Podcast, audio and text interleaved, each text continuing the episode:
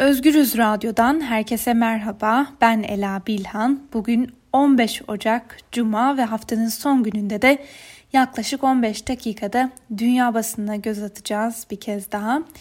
Son günlerde özellikle Amerikan basınında Trump'a yönelik sürdürülen azil sürecine ilişkin haber ve yorumlara odaklanmıştık ve kısaca değindiğimiz bir diğer konu başlığı daha vardı.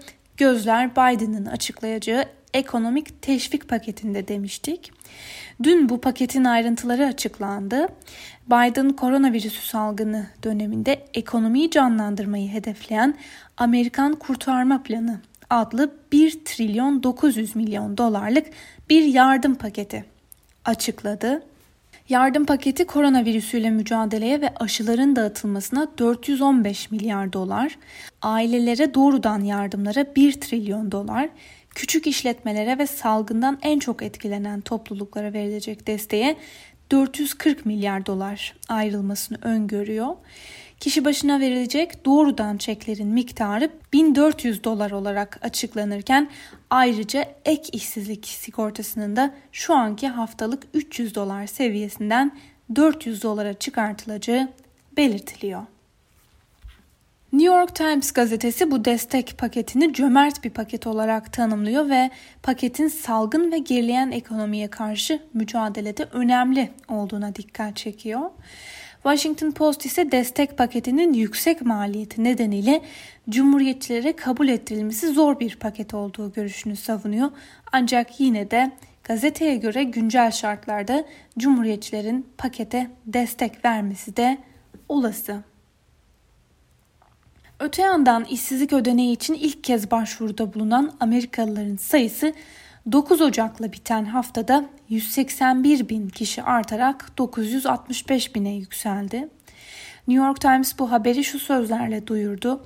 Artan işsizlik başvurusu sayıları ekonomik darboğaza işaret ediyor.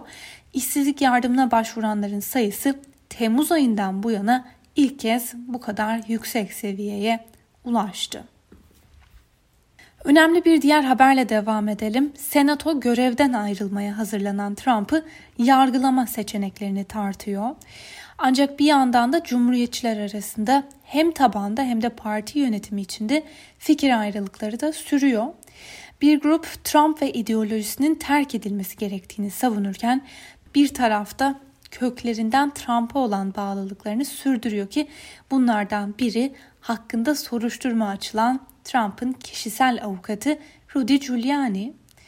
Washington Post'tan McArty'nin yorumuna göre Cumhuriyetçiler Trump'ı üstlerinden atmazlarsa hem kendi yaraları hem de ülkenin yaraları daha da derinleşecek. CNN International Giuliani ve Trump'a ilişkin dikkat çeken bir değerlendirme yapıyor. Buna göre Trump temsilciler meclisinde yapılan oylamada hakkındaki isyana teşvik ile suçlandığı azil maddesinin kabul edilmesinde sorumluluğu avukatı Rudy Giuliani'ye yıktı. Trump'ın Giuliani'ye ödeme yapılmaması için ekibine talimat verdiği de konuşulanlar arasında. CNN'in yakın kaynaklara dayandırdığı habere göre Trump bütün bu süreçten Giuliani'yi sorumlu tutuyor. Ve yine CNN'in bir diğer haberine göre Trump'a e, yakın pek çok kişi Trump'ın ikinci azlini Ukrayna Cumhurbaşkanı ile yaptığı görüşmesi sonrası gelen ilk azil sürecinden farklı görüyor. Zira ilk azil sürecinde etrafında bir sürü destekçisi olan Trump'ın bu sefer yalnız kaldığı da belirtiliyor. Voice of America'nın bir haberiyle devam edelim. Federal Soruşturma Bürosu yani FBI geçtiğimiz hafta yaşanan kongre olaylarının ardından yüzden fazla kişiyi tutukladı. FBI şimdi ise Joe Biden'ın 20 Ocak'taki yemin töreninin güvenliğini tehdit etmesi olası kişilere odaklanıyor.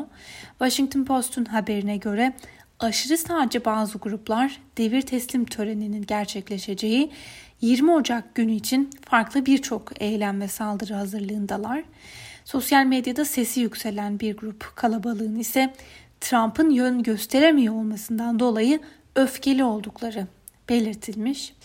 Gazeteden David Ignatius ise şöyle yazmış. Geçtiğimiz hafta güvenlik güçlerimiz başarısız oldu. Umarız geçiş sürecinde başarılı olurlar. Voice of America'nın e, aktardığı dikkat çeken bir diğer habere de göz atalım. Trump kendisi için af kararı çıkarabilir mi? Son süreçte yaşananların ardından bir başkan kendisi için af çıkarabilir mi tartışması gündemi işgal etmeye başladı. Voice of America ise bu konuda dikkat çeken bir değerlendirme yapıyor. Kendisi için af çıkarmak Trump'ın çıkarına olmayabilir. Hatta bazı danışmanlarının kendisi için af çıkarmasının suç e, itiraf sayılacağını bu nedenle Trump'a bu yola başvurmaması tavsiyesinde bulunduğu söyleniyor. Hukuk uzmanlarına göre bunun başka bir nedeni de Biden'ın önümüzdeki hafta yemin ederek göreve başlamasından sonra Adalet Bakanlığı'nın Trump'ın kendisi için çıkardığı affa ilişkin soruşturma açabileceği ve Trump aleyhine suçlamalar getirilebileceği olasılığı. Buna karşılık bazı hukuk uzmanlarına göre Trump'ın kendisi için af kararı alması gelecek başkanlar için de tehlikeli bir emsal oluşturabilir. Washington Post'un yorum köşesinde de bu konu başlığı ele alınmış. Trump'ın kendisine af çıkarmak için bir çaba içinde olduğu aşikar ancak bunu yapamayacak. Amerikan basınından aktardığımız bu haber ve yorumların ardından bültenimize İngiliz basınıyla devam edelim. İlk gazetemiz The Guardian. Gazetenin manşetinde şu sözler var. Yönetimden okullarda kitlesel testlerin yapılmasına onay çıkmadı. Buna göre uzun süredir İngiltere'de okulların açık tutulmasını sağlamak için kitlesel testlerin okullarda uygulanması çağrısı yapılıyordu. İngiltere Gıda ve İlaç Dairesi bu yöndeki kararı onaylamadı çünkü yanlış çıkacak aşı sonucunun yanıltıcı olabileceği şüphesiyle daha büyük zararları olabileceğini öne sürüyor. The Daily Telegraph'ın manşetindeki haberle devam edelim. İngiltere'de bakım evlerinde tespit edilen vaka sayıları son bir ayda 3 kattan fazla arttı. Bu artış ilk dalganın zirve dönemini andırıyor. İngiliz hükümeti tüm bakım evi sakinlerini Ocak ayı sonuna kadar aşılama sözü verdi. Ancak kaynaklara göre bakım evlerindeki vaka artışı bir süre daha devam edecek. Times'a konuşan bir hükümet yetkilisi, hükümetin 50 yaşın üstünde aşı olmak isteyen herkesin Mart ayı sonuna kadar aşılanacağını iddia ettiğini aktarmış. Öte yandan yine Times'ın manşetinde e, ciddi bir güvenlik açığı meselesi de var. Buna göre polis veri tabanında kayıtlı 150 binden fazla parmak izi, adli sicil ve DNA kaydı silindi. Bu çok ciddi olarak görülen güvenlik hatasının teknolojik bir aksaklık olduğu da belirtiliyor. Fransa'nın gündemiyle devam edelim. Fransa'da hükümet koronavirüsünün hızla yayılan İngiltere ve Güney Afrika türünü engellemek için yeni önlemler alındığını açıkladı. Başbakan Jean Castex, cumartesi gününden itibaren tüm ülkede saat 18.00'dan sonra sokağa çıkma yasa, yasa uygulanacağını söyledi. Castex, AB sınırları dışından Fransa'ya gelmek isteyenler içinse koronavirüs testi ve 7 günlük karantina şartı getirdiklerini açıkladı. Avrupa ülkelerindeki uygulamanın tersine Fransa hükümeti okulların açık tutulması için her türlü önlemi alacaklarını da açıkladı.